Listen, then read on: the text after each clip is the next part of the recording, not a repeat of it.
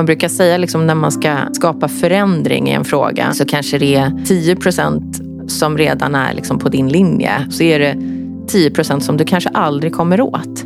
För de, det går inte att förändra. Då, då ska man inte spendera tid på då liksom de 20 procent utan det är de här andra 80 procent i mitten. Och det är ju så intressant. Hur kan man liksom med dialog och förståelse och liksom sätta sig in i andra personers situationer då få till en förändring. Det är superintressant. Jo, men visst är det otroligt intressant.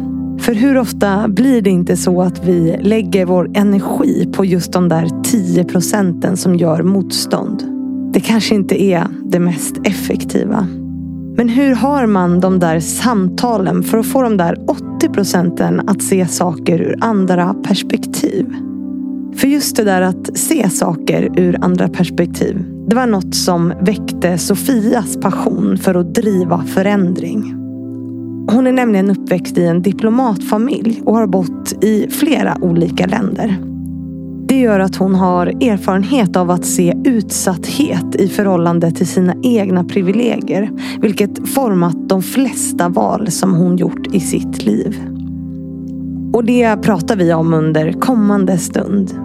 Men också om hur man kan påverka i en komplex värld där värderingar är viktiga. Men där alla inte alltid agerar utifrån det. Och mycket handlar ju om dialog och samtal och att försöka ta sig in i rum där de här samtalen gör skillnad. Och det, ja det är ju inte helt lätt. Sofia jobbar med att hjälpa sociala entreprenörer och är därmed också lite av en brygga mellan näringslivet och ideell sektor. Två världar som kanske kan lära en del av varandra, vilket också är något som vi reflekterar kring. Och Innan vi drar igång avsnittet så ska jag såklart som vanligt tacka min fantastiska sponsor Excitec som gör det möjligt för mig att fortsätta producera den här podden. Men jag vill också påminna om att ni inte får missa att köpa biljetter till galan där vi ska fira poddens fyraårsdag. Jag vet att många av er som lyssnar har hängt med länge, vissa faktiskt hela vägen från början. Och det skulle vara så roligt att få träffa er där.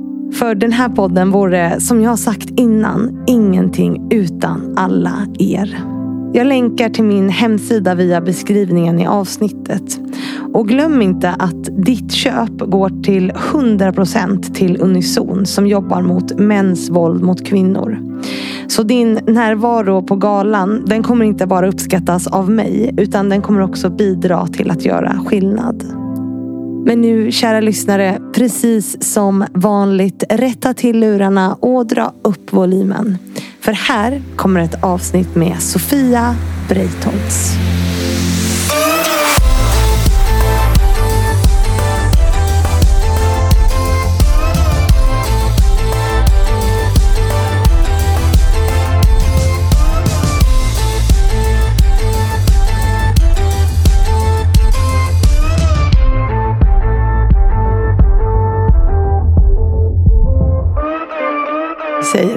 Och varmt välkommen till Sofia Breitholtz. Säger jag rätt då? Du säger rätt. Breitholtz. Det är massa Z. Ja, Nej, det är bara ett Z. Den är, den är, jag vet. Den är, den är lite besvärlig. Var kommer det namnet ifrån? Det är min mans namn faktiskt. Ja. Det var jätteintressant för jag var väldigt så här fundersam om jag skulle byta namn eller inte. Mm, vad hette du innan? Palmqvist. Palmqvist ja. Jag hade aldrig tänkt att jag skulle byta namn. Nej. Och så. Men sen Alltså mycket också på, på grund av liksom jämlighets, jämlighets mm. inte, jämställdhetstanken. Ja, precis. Men, att äh, inte byta namn. Ja.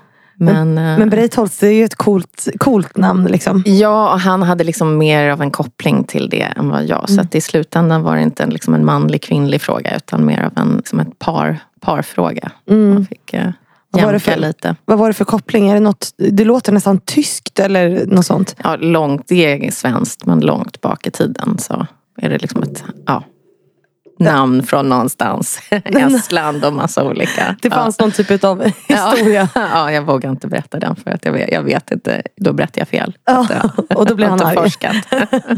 ja. ja, men jättekul att ha dig mm. Eh, här. Jättekul att vara här. Vad sågs vi? På Camilla Wagners event va? Ja. sist. Ja. Men jag tror det var första gången vi sågs. Ja, men jag har ju sett dig och följt dig och så men jag tror inte vi har hälsat sådär på Mm. varandra. Så att, Nej, jag tror vi har jättekul. Ja, det här sociala medievärlden. Eh, sett varandra där. Framförallt på LinkedIn tror jag att vi har precis, haft kontakt under längre tid. precis. Så vi har följt varandra i etern på något sätt. Det har vi gjort Men nu är vi här på riktigt. och det är jättetrevligt. Ja, vi skulle Ja. spelat in podd förra veckan. Var det förra fredagen? Va? Mm, en vecka sedan. Och då var det någon klimatstrejk inne i stan. Eh, Så jag ringde till dig i panik en halvtimme innan poddinspelningen och bara, jag kommer inte ifrån min ö. Jag satt fast. Bussarna var inställda och inga taxibilar kom och det var Mm, sådana lyxproblem. det Så var inte meningen då men idag så. idag, en vecka senare, Ja. en fredag morgon. Ja, Fredagen innan valet. ja spännande tider. Hela samhället kokar. Mm. Men vi ska inte prata om eh, valet Nej, idag. Det har gjort det otroligt mycket senaste tiden. jag förstår. Så det är skönt jag att- förstår. Skönt att rensa hjärnan lite. Idag ska vi prata om dig. Mm. Och alla gäster som kommer hit de brukar ju få inleda med att presentera sig själva. Så jag tänker att Ja. du ska också få göra det. den svåraste frågan tycker jag. Vem är Sofia? Hur ska man koka ihop det här? Jag har faktiskt ingen hisspitch på den. Men eh, jag är mamma, har två barn. Numera hundmamma med en labradorvalp också. Som eh, är ja, ganska ansträngande. Men jag är också VD på en organisation som heter Reach for Change. Och vi jobbar med socialt entreprenörskap. Så att på något sätt det som jag drivs av och eh, vill jobba med och har eh, ynnesten att få jobba med är att arbeta med nå- någon slags förändring i samhället och att arbeta med personer runt omkring mig som också vill åt den här förändringen. Så att eh, förändring är väl det som, som är viktigt för mig, att vi ser en positiv förändring i samhället. Mm. Inte negativ. Ja. jag Det ser vi ju också i och för sig. Men att man... Eh, nej men det är ju så mycket negativt som händer faktiskt. Att det är väldigt lätt att känna... Alltså jag tycker Hans Rosling och hela den kontexten är ju fantastisk. Att man verkligen kan backa tillbaka och se att det är så mycket framgångar som har hänt liksom, de senaste åren. Och särskilt om man pratar så här jämställdhetsfrågan och, och även barnrättsfrågan. Jag eh, jobbar ju mycket med, eh, med entreprenörer som jobbar med barn och unga. Så att det, vi har gjort fantastiska framsteg. Men jag ser ju också att det blåser lite ruskiga vindar just nu. Eh, och vi har ju väldigt mycket stora, stora utmaningar med eh, liksom krig och livet efter pandemin och, och miljökrisen som vi befinner oss i. Så att om man ser det hela tiden och hela varje dag eh, så är det ju så viktigt att man har den här positiva kraften runt omkring sig också. Mm. Och, och det är det vi försöker skapa, att vi tittar mer på lösningar än att liksom fastna i utmaningarna. Och lösningarna kommer ju ur utmaningarna på något sätt också. Tänker jag. Mm. Men är du born and raised liksom i Stockholm eller vad har du för bakgrund? Nej, jag är born i Tyskland men raised i flera olika andra länder. New York och Venezuela och Mexiko. Så mycket Latinamerika. Mm. faktiskt. Mm. För dina föräldrar var diplomater, eller hur? Mm, precis. Vad, vad innebär det liksom? Ja, det innebär att man eh, eh, alltså får se väldigt spännande kontexter. Mm. Att man upplever liksom olikheter ganska tidigt, vilket är jättekul. Så att det är berikande på det sättet. Mm. Det kan ju också innebära en lite av en liksom rotlöshet ibland. Ehm, Allt som allt så har det varit en, en spännande uppväxt tycker jag. Att liksom få se olika typer av kulturer och så. Ja, precis. Och olika bara så levnadssituationer. Hur bor folk? Hur lever folk i andra delar av världen om man inte har liksom samma, samma förutsättningar? Ja, för ditt intresse väcktes väl liksom för, för hållbarhet och liksom medmänsklighet och förändring som du säger. Väcktes väl genom din uppväxt och att liksom se de här olika typerna av levnadsstandarder, eller hur? Ja, det är väl det. Jag har funderat verkligen jättemycket på var det kommer ifrån. Den här Mm. liksom, intresset att engagera sig i förändring och så. Men Mm. jag trivs ju med olika typer av personer runt omkring mig och den mångfalden är ju väldigt berikande. Mm. Så att jag tycker det är spännande med olika kulturer och olika bakgrunder och folk som har olika perspektiv. Mm. Mm. Vad var det du såg när du var ute och reste sådär, när du växte upp? För du måste gå till olika skolor. Du måste Ja. liksom, jag tänker att det också kan ha blivit lite så parallella universum där liksom du är diplomatdotter. Det är ju alltså fint, tänker Ja. jag. Nu gör jag situationstecken här för de som lyssnar. Alltså att det är ju en värld och sen då att i vad så, Latinamerika, som Mexiko, Venezuela sa du. Att Ja. där har väl inte alla det så här toppen bra, eller? Nej, men det är ju massa saker som kommer från det. Alltså, dels måste man vara medveten om att man lever i en låtsasvärld. Man lever i precis, nu gör jag samma tecken, men, men i en, en låtsasvärld på det sättet. För att man är ju privilegierad och man har ett, liksom, man lever kanske i en samhällsklass i de länderna som man inte lever i hemma i Sverige. Eller som man inte liksom, tillhör på det sättet. Men det man ser också är ju de här liksom, jättestora skillnader med liksom, en enorm fattigdom. Så att det är klart att, att det påverkar att se de sakerna tidigt. Jag har också en, min bror är adopterad från Colombia och vi har jättemycket av de här diskussionerna också. Så att liksom, det är ju en dimension. Och sen tänker jag också på den här kvinnliga och manliga dimensionen är också jättespännande i, i den typen av uppväxt. För att när jag växte upp då på, mm, alltså flyttade runt där 80-90-talet, då var det ju på grund av pappan eller mannen i familjen oftast som hade arbete.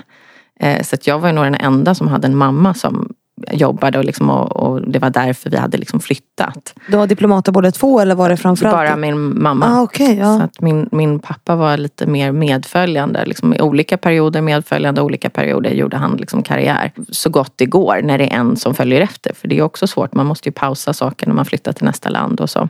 Så att där är en dynamik och så en tredje dynamik som jag tyckte har varit jätteintressant. Det är särskilt liksom de här starka kvinnorna i Latinamerika men samtidigt det här väldigt liksom en machokultur.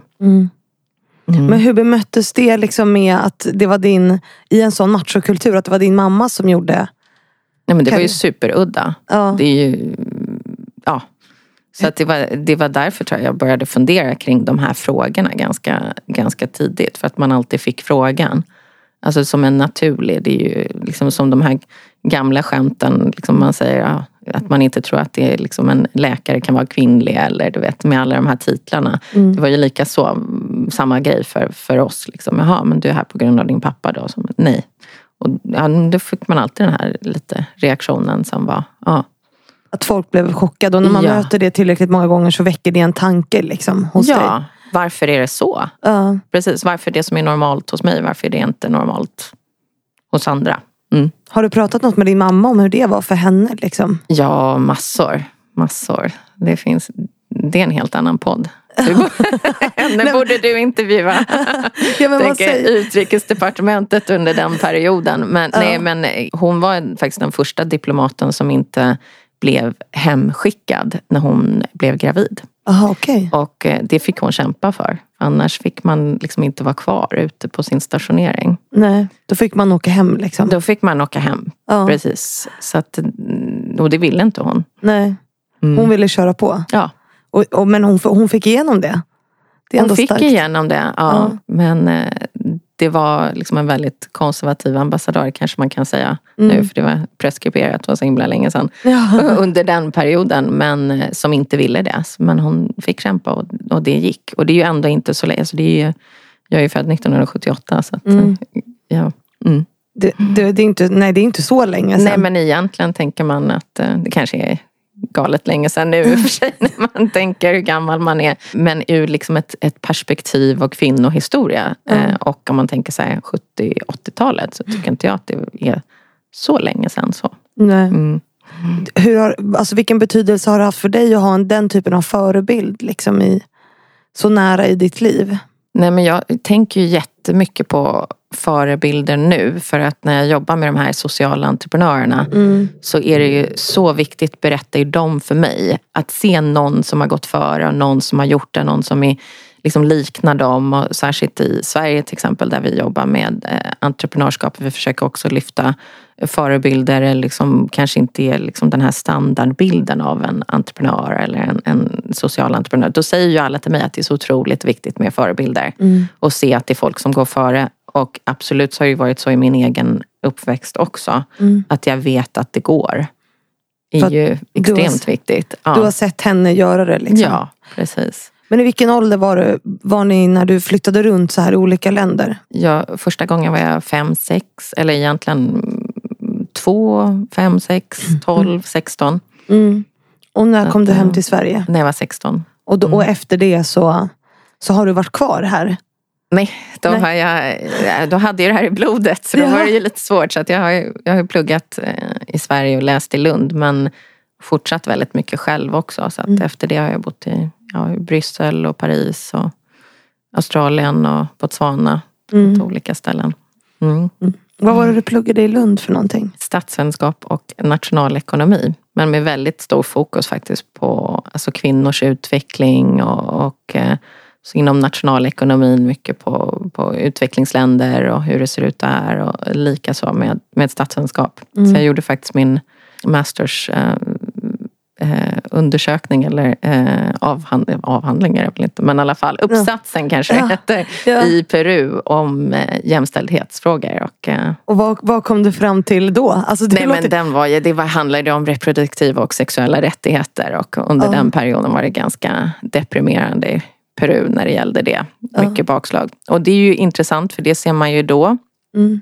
Men nu när jag senast var i Ghana och reste med Reach for Change så ser man också att det är liksom liknande vindar som blåser där. Liksom Mm. Konservativa vindar och eh, insatser som har finansierats som faktiskt begränsar kvinnors reproduktiva och sexuella rättigheter. Så det är ju lite ledsamt att se att de här vindarna liksom blåser igen, kom, återkommande. Så I det är en- USA också. Alltså, och mycket på grund av USA för de har ju, finansierar ju också mycket av utvecklingsinsatser runt om också.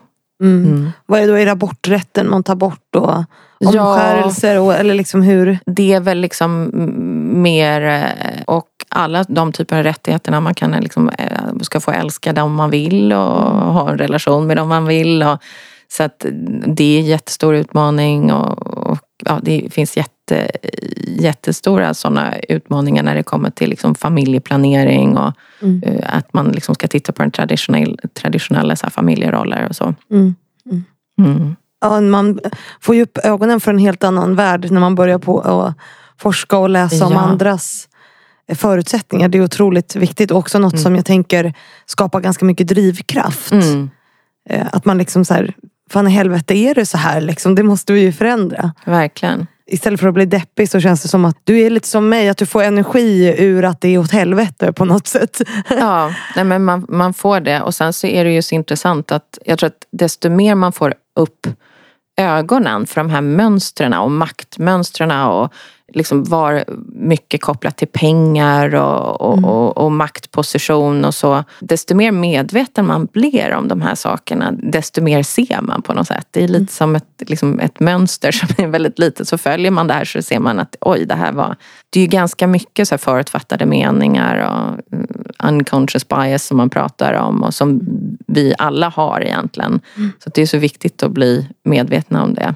Medvetna om sina fördomar ja. Ja, Och det kan man ju aldrig bli om man inte lyssnar till andra. nej, precis. Det är ju ja, det är ju om någon annan säger åt någon att de är knäppa i huvudet. Eller bara knäppa i huvudet men du förstår vad jag menar. Ja. Ju- Och ibland när man liksom studsar man, jag, eftersom jag hade läst nationalekonomi och eh, statsvetenskap till exempel, så en av mina första arbetsintervjuer var på Europeiska kommissionen. Mm. Och jag fick inte jobbet då, då. Eh, disclaimer. disclaimer i början, men intervjun var ju väldigt intressant. För att det var på liksom en ekonomisk enhet och man skulle titta på makroekonomisk utveckling i, eh, ja, om det kommer inte ihåg, det var någon, någon region, om det var liksom norra Afrika eller något sånt. Och då frågade han, eh, när han tittade på mitt CV, och han var ju ändå själv nationalekonom, så här, men varför har du fokuserat på det här med gender? Liksom, och, och, och varför är det så mycket genderkurser som du har läst och så? Mm det tyckte jag var så konstigt för ur ett nationalekonomiskt perspektiv. Ja. Om man tänker på liksom alla missade inkomster och missad potential och liksom att man inte har kvinnor som är delaktiga. Och vad liksom den delaktigheten skulle kunna leda till när det gäller BNP-tillväxt och så i- var ju jätteudda att få liksom den frågan från honom. Men när man börjar liksom upptäcka och fundera de här, ja, det, det är jätteintressant att få den, de tankarna som väcks. Men är det inte märkligt att folk fortfarande ställer den frågan? Jo, Alltså så här, för nu tvingade jag på dig en åsikt här. Men, men jag, jag tänkte att det var det du sa. Också. Ja, ja, ja. Eh, Att, det, att vi pratar så mycket om att så här, jämställdhet eh, kommer att bidra till eh, ökad lönsamhet. Bolag blir mer lönsamma. Eh, Något som jag också har reflekterat över i den politiska debatten nu. Det är att så här, jämställdhet kommer ju upp otroligt lite i debatterna. Vi pratar väldigt lite om det. Valkompasserna har typ så här en fråga och det är Ja. föräldraförsäkringen. Ja. Och så blir man SD-are för att man tycker att, eh, alltså att eh, sjukvårdspersonal ska kunna svenska. Alltså så här, Ja. Eh, alltså, för jag hade en kompis som gjorde det testet och den frågan gjorde att hon bara, du ska rösta på SD. Jaha. Men jämställdhet kommer knappt upp. Men vi pratar om gängkriminalitet, vi pratar om, om eh, klimat och så här, men inte om att så, jämställdhet är en förutsättning eller en av de mest viktigaste förebyggande åtgärderna för att komma åt allt det här. Mm. Och jag tänker att det måste ju vara väldigt applicerbart också på det som du gör. Jag, Ja. Det var någon som sa att, att skapar vi jämställdhet så kommer vi också kunna utrota fattigdom. ja, verkligen. Alltså i Ja. världen. Ja. Därför att den större delen av de som är fattiga Ja. i världen är kvinnor. Ja men så, så är det verkligen. Att investera i en flickas utbildning är ju en av de bästa investeringar man kan göra. Ja precis, för att hon ska liksom Ja för det finns så mycket ja, ringar på vattnet för då eh, kan hon få bättre förutsättningar för att kanske familjeplanera, för att eh, skapa en e liksom, egen anställning eller bli anställd, att ha kontroll över hennes pengar och finanser. Och det är ju bevisat också att kvinnor återinvesterar i väldigt stor grad i familjen och i en fortsatt utbildning av sina barn. Om man tittar på sådana här studier, vad man, vad man investerar pengarna i, i i utvecklingsländer så kommer ju barnens utbildning upp eh, som nummer ett eller två när man frågar mammorna. Kanske inte lika högt om man frågar papporna. Det, och det är ju helt sinnessjukt. Jag såg också någon studie som, jag vet inte, det var någon av de här, om det var Avanza eller Nordnet som hade gjort någon studie om hur vi sparar åt våra barn. Och att man sparar mycket mer åt pojkar än åt flickor. Ja, ja, Som förälder. ja, Det är ju också helt galet. Alltså, och jag undrar hur man liksom får ihop det på något sätt.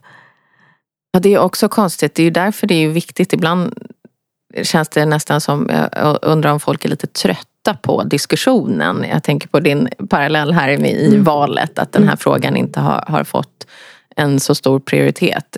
Är det liksom att man känner att det här har man hållit på med så länge? Ja, jag vet inte riktigt. Det, den, är- det, det är en intressant tanke. Varför är det så svårt att, att liksom få upp det? Eh, För det känns som det är någonting som vi alla vet. Att, som du säger, det ju, eh, det finns ju så mycket studier och så. Om vi får bara en jämställd liksom, balans både hemma och på arbetet så kommer vi alla, alltså inte bara mer ekonomiskt lönsamt men alltså bättre samhällsförutsättningar också. Men nu ska vi tillbaka till dig igen.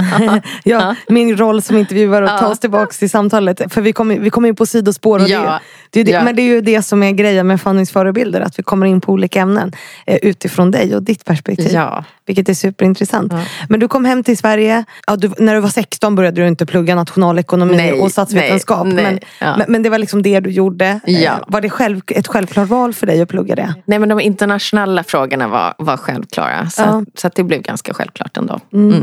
Men du nämnde, jag kommer bara ihåg två städer här nu, men du flyttade liksom runt. Bristol, Paris kommer jag ihåg att du sa. Och massa mer grejer. Vad var det som tog dig till de här olika länderna?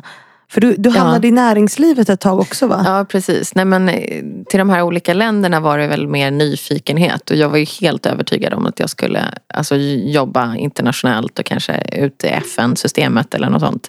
Men det som är intressant är att menar, livet blir ju sällan det man har räknat med. Så att när jag kom ut så var det ju väldigt svårt, liksom, nyexad, att få ett jobb. Det var liksom inte lätt att liksom, direkt sätta sig på Sida eller liksom, ja, no, no, ja, alla de här tusentals jobb jag har sökt. Och det brukar jag säga till ganska många att jag har sökt så sjukt många jobb och verkligen inte fått dem. Eh, och eh, det är också en jättebra liksom, lärdom. Jag tror att vissa tänker så här att eh, du vet, man har, har, kanske är vd eller något, att man har, ja, det måste ha varit jätteenkelt här, den resan. Men ja, det är ganska många vägar som stängs när man eh, liksom hittar sin, sin väg och det måste man ju vara okej okay med mm. också. Det är bra lärdom. Så att jag hamnade i näringslivet, det var först väldigt så oväntat skulle jag säga. För att eh, lite utanför min comfort zone. Som jag hade läst med liksom, de här statsvetenskap och liksom praoat på många av de här FN-organisationerna och så.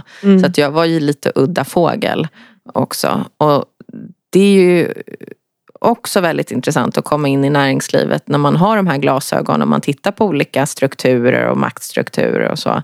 Jag hamnade i en organisation som var liksom en delägarorganisation mm. där väldigt många delägare var manliga. Ja. Och det såg du såklart för du hade redan på dig de glasögonen. Jag hade nog redan mm. på mig och de glasögonen faktiskt. Jag mm. tyckte det var, det var ju väldigt intressant men också superlärorikt att få liksom ett annat liksom ordförråd och förstå liksom drivkrafter och kunna ha dialoger med eh, de här personerna. Man brukar säga liksom när man ska eh, skapa förändring i en fråga så kanske det är liksom 10 procent som redan är liksom på din linje och mm. som Eh, särskilt om det är kontroversiella saker man, man vill förändra. Man vill, som faktiskt att pusha liksom jämlikhet eller inkludering. De frågorna är inte alltid lätta för de kan vara obekväma mm. också. Och då är det ju 10 procent som kanske redan är liksom, ja, de är med dig, de, de fattar. Liksom. Mm. Och så är det 10 procent som du kanske aldrig kommer åt. Ja. För de det går inte att förändra. Då ska man inte spendera tid på liksom de 20 procent utan det är de här andra 80 procent i mitten. Och det är ju så intressant. Hur kan man liksom med dialog och förståelse och liksom sätta sig in i andra personers situationer då få till en förändring. Det är superintressant.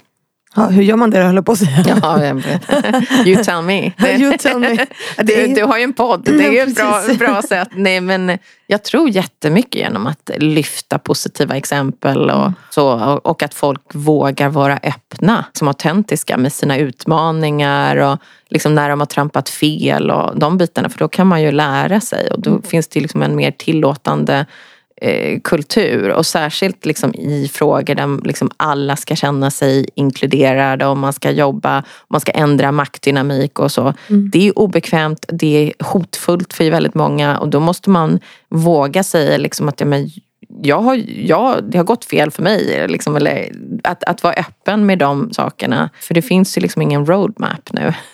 Utan vi måste bara liksom vara ganska tillåtande också med varandra. Samtidigt som man är ganska arg på vissa saker. Den, den, är, den balansen är ju jätteintressant. Mm. Och, och svår att hitta. Och svår att hitta. Men vad hade du för roller inom näringslivet? Alltså vad var det för typ av tjänster du sökte? Liksom? Ja men det var mycket inom affärsutveckling jobbade jag. Ja. Så att, eh, alltså, stora bolag i svenskt näringsliv kan man säga. Och eh, ganska, ganska fyrkantiga frågor med mm. dem. Men ja, skattefrågor för dem eller mm. effektiviseringsfrågor, liksom de bitarna. Mm. Mm. Hur länge var du i näringslivet? Ja, ganska, ganska länge ändå. Jag var i två omgångar. Mm. Så att jag tog också tjänstledigt för att eh, gå tillbaka lite till utvecklingsfrågorna och flytta till Afrika. Ja. Jag jobbade i Botswana eh, och sen kom jag tillbaka. Men det kanske var åtta, nio år. Något sånt. Ja för, ja, för du jobbade för EU då i Botswana, eller hur? Ja, precis, och liksom, vad var det du gjorde där? Nej, men där, EU är ju en av liksom världens största, om inte världens största biståndsgivare. Mm. Så att det man inte eh, tänker på är att det är enormt mycket pengar och finansiering som går till de länderna som EU stöttar. Så att i, ehm, i Botswana så jobbade vi väldigt mycket med att stötta den liksom regionala utvecklingen i, i Afrika och samordna bland alla givare och så. Men för, när du var i Botswana och jobbade för EU, mm. då har jag förstått det som att det blev väldigt tydligt för dig eh, det här med att man behöver se saker ur andra perspektiv, eller hur? Eller har jag fel? Nej men, nej, men verkligen. Vad var, verkligen. Som, vad var det som hände där? För att jag tittar här i mina anteckningar. Ja. Att du har pratat Vad har du om... fått fram där? Jättespännande. vi se. Ja. Nej, men att, att det är en väldigt vanlig, det här är någonting som du har sagt, ja. att det är en väldigt vanlig inställning att personer och organisationer kommer ovanifrån med lösningar. Ja. Och idéer för ett specifikt problem. Och att det blev tydligt för dig liksom i Botswana. Och det här är också en då fråga från min sponsor Excitec. Alltså på mm. vilket sätt blev det tydligt? Mm. Nej men det är egentligen, skulle jag säga, liksom två perspektiv. det första är att, och det kommer ner till liksom makt igen också mm. skulle jag säga. Men oftast säger man liksom, ja men i Sverige har vi så här fantastiska system och så vill man åka till andra länder och kanske berätta om att jag menar, den här ordningen har vi och det här är, är, är så bra. Och då att få liksom en känsla för så här gör man det här i, i Botswana. Och, så här, och vi kan faktiskt lära oss väldigt mycket. Den ödmjukheten, den tyckte jag var jätteintressant. Mm. Nummer ett. Och sen nummer två är det ju, ja, ger otroligt mycket finansiering och investerar i jätte jättestora gigantiska projekt, liksom bygger broar och, och fixar. Men om man inte har med sig, om man inte har frågat de som ska faktiskt gå över bron. Liksom, vad behöver du bron till? Eller varför, liksom, hur ska vi underhålla bron? Eller vill du egentligen ha en bro? Mm. Jag menar, de frågorna är så otroligt viktiga. Och när det är ett stort system är det väldigt svårt att få den förankringen. Och så gäller det med alla organisationer. Desto större liksom man bygger och liksom desto större byråkrati man bygger runt omkring så är det ju svårt mm. att verkligen komma ner till liksom användarna. Och därför tycker jag att det är så häftigt med socialt entreprenörskap faktiskt. För att där där, där man, hittar man inte på en lösning som man sen applicerar på någon annan. Utan där jobbar man ju med de som har problemet och som, eh, som som faktiskt har den utmaningen för att hitta lösningen. Mm. För det här är ju liksom någonting som händer väldigt mycket i organisationer tänker jag också. Mm. Alltså nu pratar vi stort så här, lösningar för Botswana, liksom, ja. EU. Alltså, det är ju enorma ja. eh, frågor. Men, men det här ser vi också hända otroligt mycket i näringslivet. Alltså att man skjuter ner vad kan vara värderingar eller ja. processer utan att förankra det ordentligt i organisationen. Jag tänker det oavsett storlek. Liksom. Eh, ja, men, men framförallt i större organisationer. Verkligen. Att det är svårt att få med sig människor på en förändring och liksom de som gör jobbet om man inte har förankrat det ordentligt. Verkligen och jag tror att det är en enorm komplexitet idag. Mm. För att vi har ju helt, alltså den generationen som kommer ut nu tror jag har helt andra förväntningar. Alltså mm. dels på förändringstakt, dels på liksom informationsflödet och dels krav på att mm. saker ska vara liksom mer autentiska, meningsfulla, liksom inkluderande och, och så. Så att vi ser ju väldigt mycket och det tycker jag är intressant också ur ett jämställdhetsperspektiv också. Man ser ganska mycket diskussioner om femwashing till exempel. Mm. Och jag ser det ganska mycket i min, min sektor också kring purpose washing. Mm. Att man får, särskilt då unga och kvinnor som känner att men det här är inte genuint av det här bolaget. Nej. Det här kommer inte från någon liksom genuin förändringsvilja utan det här är mer opportunistiskt. Men om man skrapar på ytan, det är då man måste titta på makt, beslut, finansiering, mm. är saker och ting, är, är liksom de här processerna, är de mätbara? Vem har varit med och liksom delaktiga i den processen eller den förändringen? Och det är då man kan komma till det här. Så jag tror att också att näringslivet står inför en jättestor utmaning för att det är så enormt komplext idag. Mm. Och som eh, VD eller liksom i ledningsgrupp eller i, i styrelse måste man ju inte det är inte bara liksom regelverk och eh, tillväxt och hela, alla de bitarna man måste ha koll på. Man måste ha koll på de här sakerna ute i samhället. Och det är galet komplext. Det är otroligt komplext. Jag tänker att du nämner några viktiga bra saker här. För att grejen är att så här, ja, företag de pratar om de här frågorna mm. Eh, och det blir purpose washing eller femwashing. Mm. Alltså så här, och där tänker jag att vi som, som tycker att de här frågorna är viktiga också eh, tyvärr har ett ansvar att driva den förändringen. Eller tyvärr, men, mm. men jag tror att man behöver liksom så own up. Eller liksom ställa krav på företag. Mm. Att faktiskt visa, jaha men vad gör ni faktiskt? Ja, verkligen. Vad, vad tittar man på? Om man sitter här nu och lyssnar och bara, okej okay, men nu vill jag vara en del av den här förändringen. Mm. Jag vill att företag faktiskt ska göra någonting och inte bara snacka en jäkla massa mm. corporate bullshit. Mm. Vad säger jag? Eller vad kollar jag på? Vad, mm. Har du något bra tips på det? Liksom? Nej, men liksom? jag brottas med det själv. Jag tycker det är jätteintressant. För att å ena sidan så kan man ju köra liksom den hårda vägen och liksom bojkotta och gå ut stort och, och mm. bara, nej men det här liksom accepterar vi inte.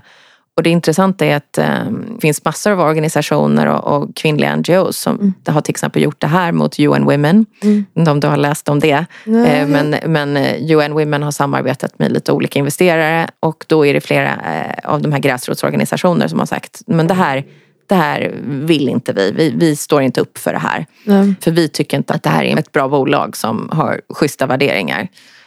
Och det är ju ett, en väg. Den andra vägen är ju att man försöker påverka på något sätt. Och hur påverkar man? Är det genom att man liksom får en öppning, får in sin fot genom dörren och liksom manar till en dialog? Mm. Jag tror på något sätt, eh, särskilt eftersom man ser att det, det är så lätt att polarisera i dagens samhälle. Och det är så satt, lätt att vi liksom hamnar längre ifrån varandra istället för att vi hamnar närmare varandra. Då måste man vara öppen för dialogen. Mm. Eh, så det är lite min, min väg. Jag, jag tror på den, liksom, det är kanske är diplomatdottern som mm. pratar då.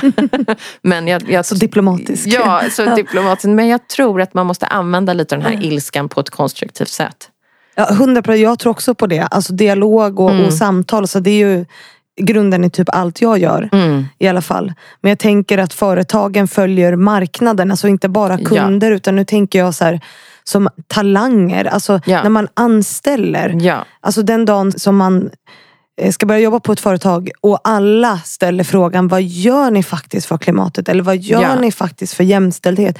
Då kommer ju inte företag komma undan med den här corporate bullshit. Verkligen inte. Och jag tycker man kan titta på sig själv. Liksom man mm. har ju en vardagsmakt. Mm. Man har ju vardagsmakt i liksom vilka produkter man köper, var man investerar sina pensionspengar, mm. var man liksom tar anställning. Liksom de, de bitarna, det har man ju. Så att, eh, det är ju jätteviktigt att man eh, ser till dem, liksom att man ändå ser sig själv tror jag, som en förändringsagent.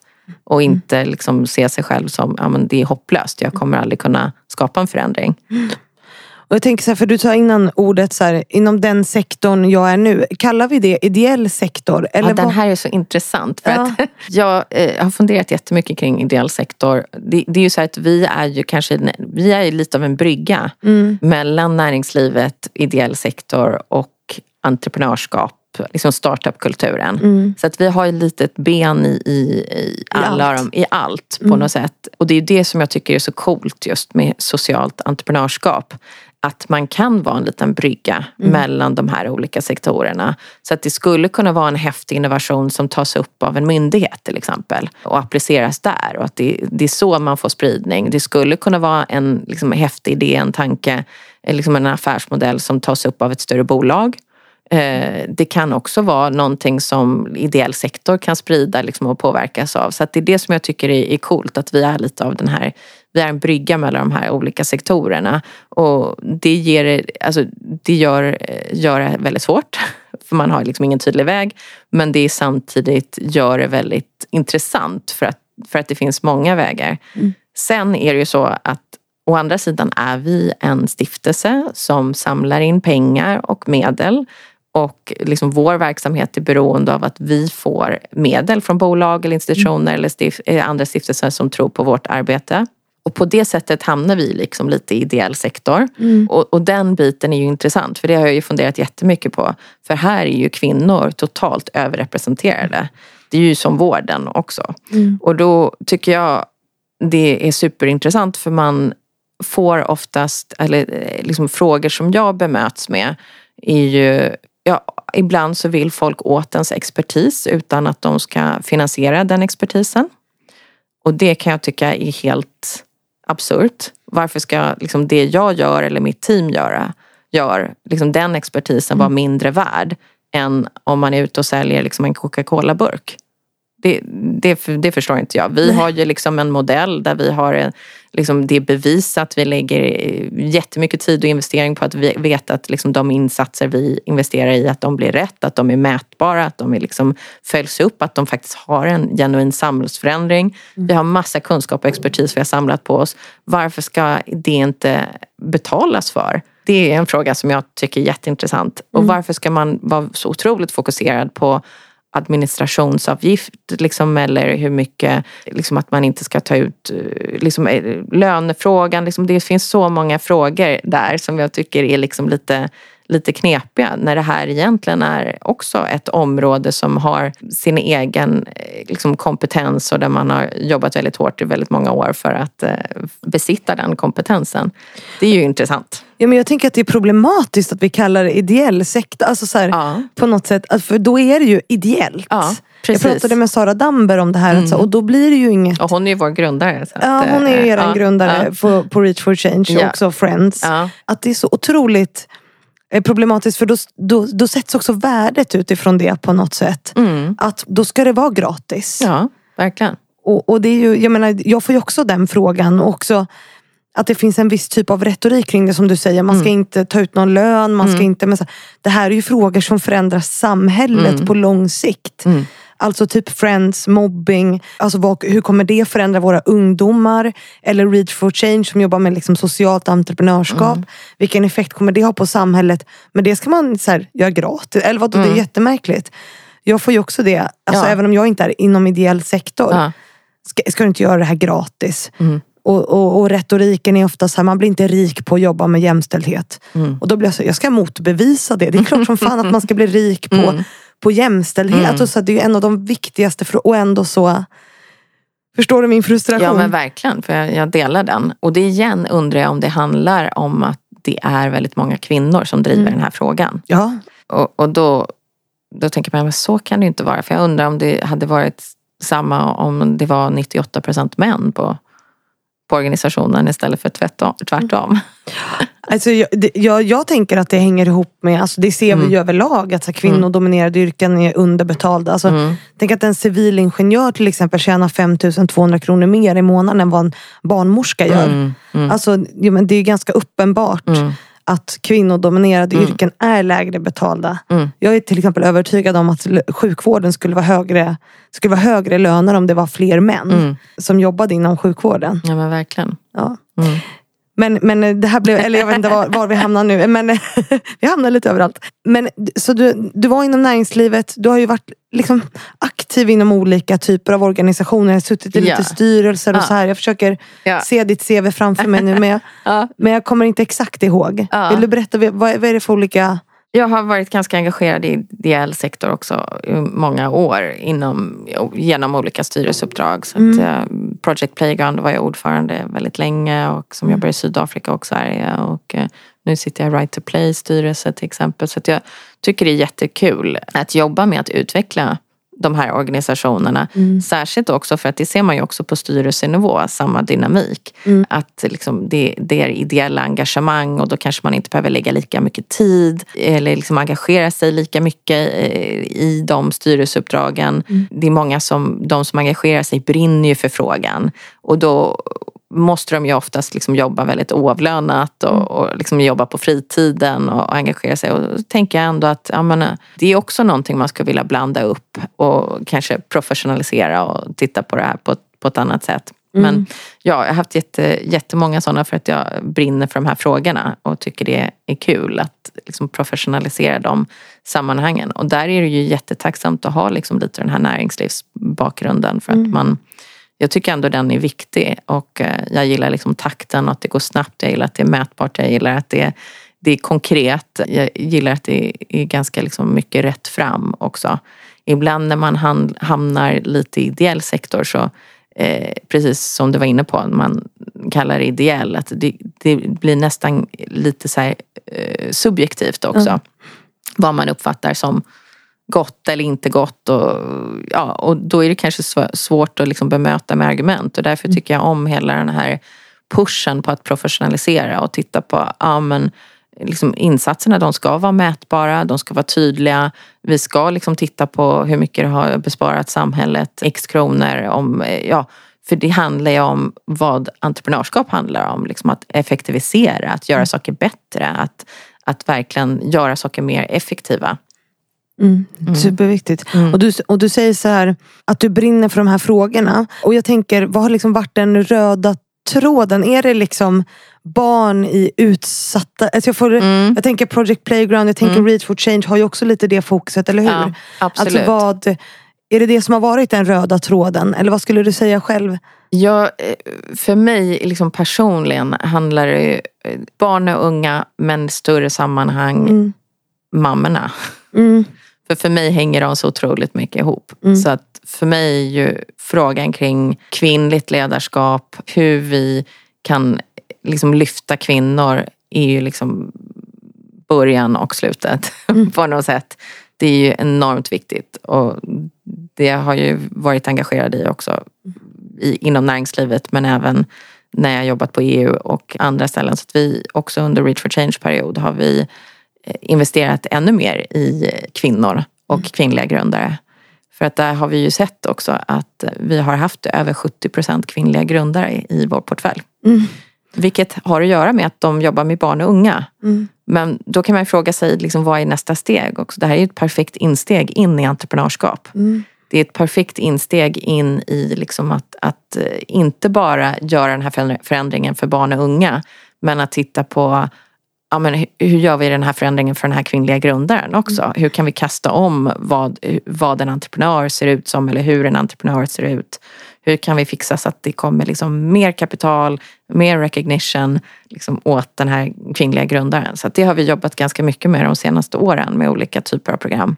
Det, det är en superviktig fråga eftersom att vi ser att riskkapitalet går till män. Mm. Ja. Alltså bolag grundade av män. Ja visst. Eh, vad, vad har ni liksom kommit fram till höll jag på att säga. Men Nej, ni... men, ja, alltså vi, alltså de studierna och de undersökningar vi har gjort och när vi pratar med våra entreprenörer så, så får man ju liksom alla, all den här datan blir ju bara helt bekräftad. Mm. Så att man ser ju att de, våra entreprenörer i vår portfölj till exempel, de har ju startat liksom mycket med familjepengar eller investering eller tagit egna lån till exempel Mm. för att sätta igång sin verksamhet. Och så har det ju inte varit i, i lika stor utsträckning för de manliga entreprenörerna. Mm. Sen lägger man ju på det här filtret med socialt entreprenörskap som kanske är lite luddigt och svårt att förstå också. Och då kommer man in på de här kanske mjuka värdena igen. Mm. Så att jag brinner ju verkligen för att kunna göra det här mer mainstream. Mm. Så att den påverkar. Jag tycker det är jättespännande saker som hän- händer med liksom investerare nu och man har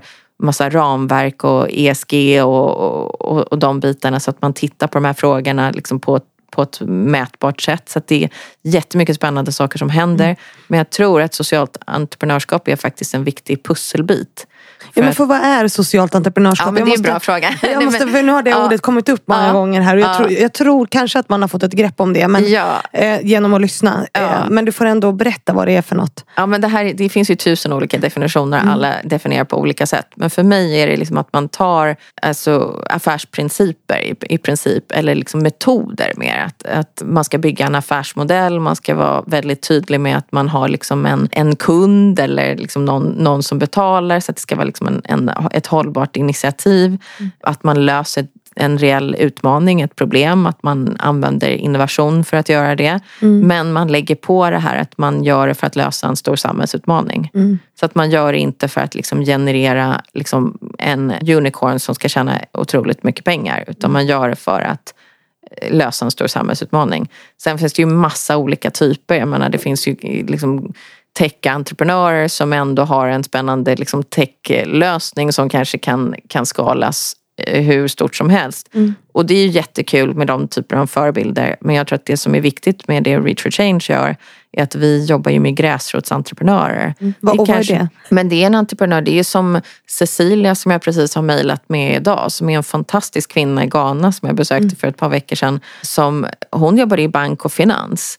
Och kände så att nej men jag måste tillbaka till eh, min by. Mm. För där ser jag att unga killar går och jobbar liksom med att odla marijuana. Mm. Och unga flickor blir gravida. Mm. Och de har inga framtidsutsikter. Nej. Och jag måste göra något åt det, tänker hon. Och så går hon och faktiskt liksom avslutar sin anställning och bestämmer sig för att göra det här. Och har fantastiska utbildningar för de här unga. Där det kommer kanske 600-700 barn och liksom får en, ett liksom helt annat perspektiv på livet. De får liksom en skillset, de får utbildning, de får mentorer. Och sen så nu när jag var där till exempel och frågade tjejerna vad vill ni bli när ni blir stora? Liksom, vad är er dröm? Och då säger de att ja, men jag vill bli member of parliament. Mm. Jag vill bli eh, liksom en, en eh, läkare, jag vill bli en advokat. Jag vill bli jag vill bli folkvald, jag ska bli liksom premiärminister. Jag ska bli... Alltså det är så himla coolt. Och då förstår man att på Cecilia då att för något år sedan bara så hade de inga sådana drömmar. Utan då var det bara, men vad ska du bli? Ja, jag Gravid. Kanske kan, ja, gravid, sälja något på torget liksom Ja. så. Ja, det där är ju superhäftigt. Alltså kraften av förebilder tänker jag. Ja, precis. Och sen måste man hitta innovativa liksom, affärsmodeller för att Ja. göra det här. Men det är så många fantastiska exempel på de typer av entreprenörer. Och vissa, vissa hittar ju väldigt så affärsmodell, eh, kommersiella, liksom en, en viktig app som verkligen kan skapa en förändring för någon som har dyslexi eller något sånt, eller autism. Men det, det kan ju vara liksom en väldigt konkret sak, kanske lätt att förstå.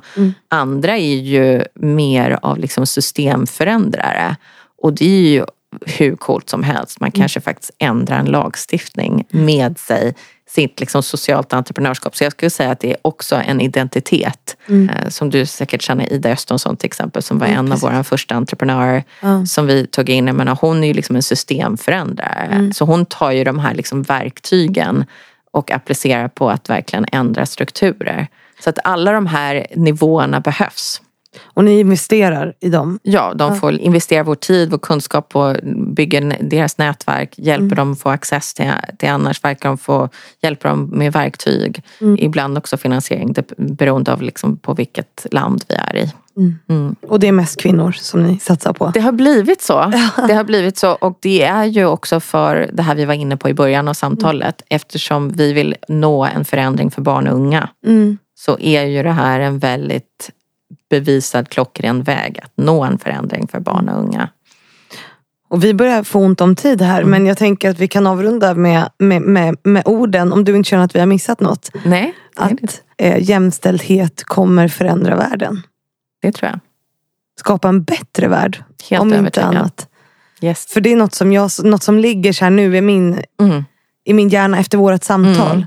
Att så här, den här typen av förändringar, kallas som, klassas som ideellt och jada jada. Eller förstå, Mm. att det, det är ju det som kommer göra skillnad Absolut. i förlängningen. Absolut. Så att eh, jämställdhet kommer förändra världen. Mm -mm. Då säger vi tack för att du har varit här. Tack så mycket. Och tusen tack till alla er som lyssnat på veckans avsnitt. Jag hoppas vi ses på galan den 18 november. Men vi kommer ju höras på onsdag igen. Precis som vanligt.